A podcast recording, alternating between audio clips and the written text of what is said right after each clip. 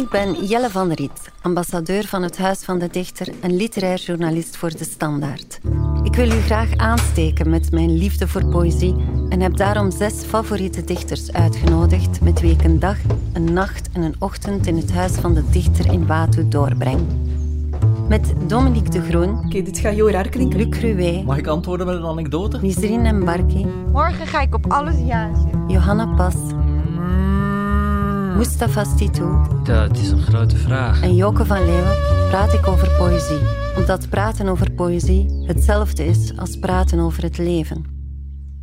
Op 1 juli gaan we van start. Vanaf dan vindt u elke zaterdag een nieuwe aflevering van Huis van de Dichter in de podcast-app van De Standaard en op andere podcastplatformen. U vindt alle afleveringen ook terug in de podcast Letteren van De Standaard. Hopelijk ontmoeten we elkaar daar.